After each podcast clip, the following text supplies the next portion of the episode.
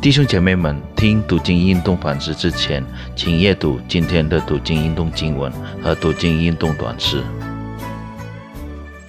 亲爱的弟兄姐妹平安，今天我们阅读经文是来自诗篇第一百五篇，请弟兄姐妹先亲自读这篇经文，再来跟我一起思想今天的主题，不要停止感恩。我们先低头祷告，亲爱的主，感谢你在我们生活上的看顾。今天我们再来到你的面前，要一起深思你的话。求主将圣经中的真理赐给我们，使我们都能够明白你的话语和真理。奉耶稣基督的名祷告，阿门。诗篇一零五篇讲述了耶和华与他子民在很长一段时间内的关系。耶和华在他知名的生活中彰显他的信实和能力。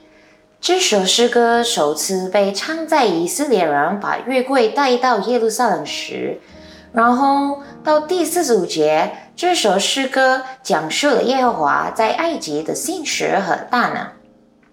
他遵守他与以色列先祖之间的约，当他们因犯罪而被其他国加入时，耶和华仍然看顾他的子民。当饥荒临到各地，除了埃及全国的时候，耶和华使用月食来看顾以色列人祖先的生命。耶和华将他的子民从埃及带到应许之地。耶和华一直在四十年的旷野旅程中眷顾他的子民。这些就是耶和华在他子民生活中所做的各种行为。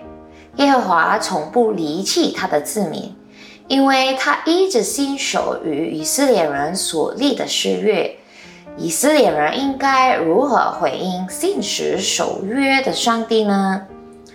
在第一到第六节中，诗人邀请所有经历过主帮助的人来感恩，并将上帝一切奇妙的作为叙述给外邦人。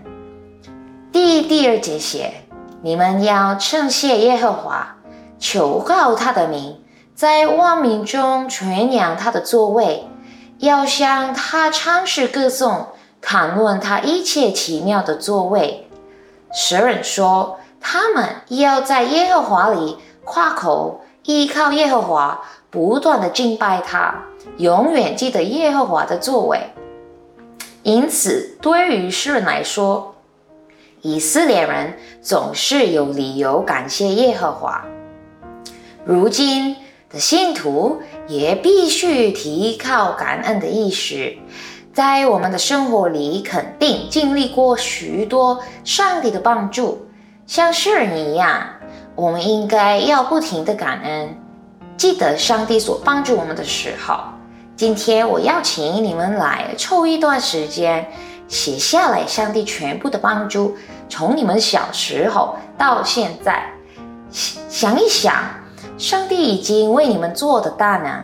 所以，即使遇见困难中，我们也会体验到上帝的同在，他将给予帮助、安息和激情，去解决我们所面对的困难。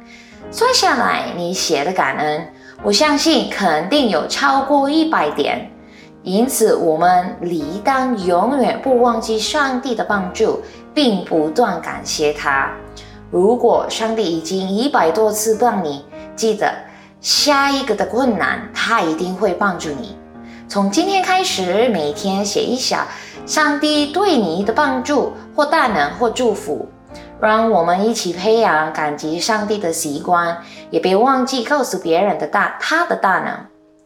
就像是像世人在第二节说，要向他唱诗歌颂，谈论他一切奇妙的作为。我们一起低头祷告，感谢主，在你里面我们有盼望，我们能够依靠你，让我们在苦恼中有平安，让我们记得你所有的大能在我们的生活上，也给我们勇敢的心。来与别人分享你的大能，奉耶稣基督的名祷告，阿门。亲爱的弟兄姐妹，记得上帝与你们同在。再见。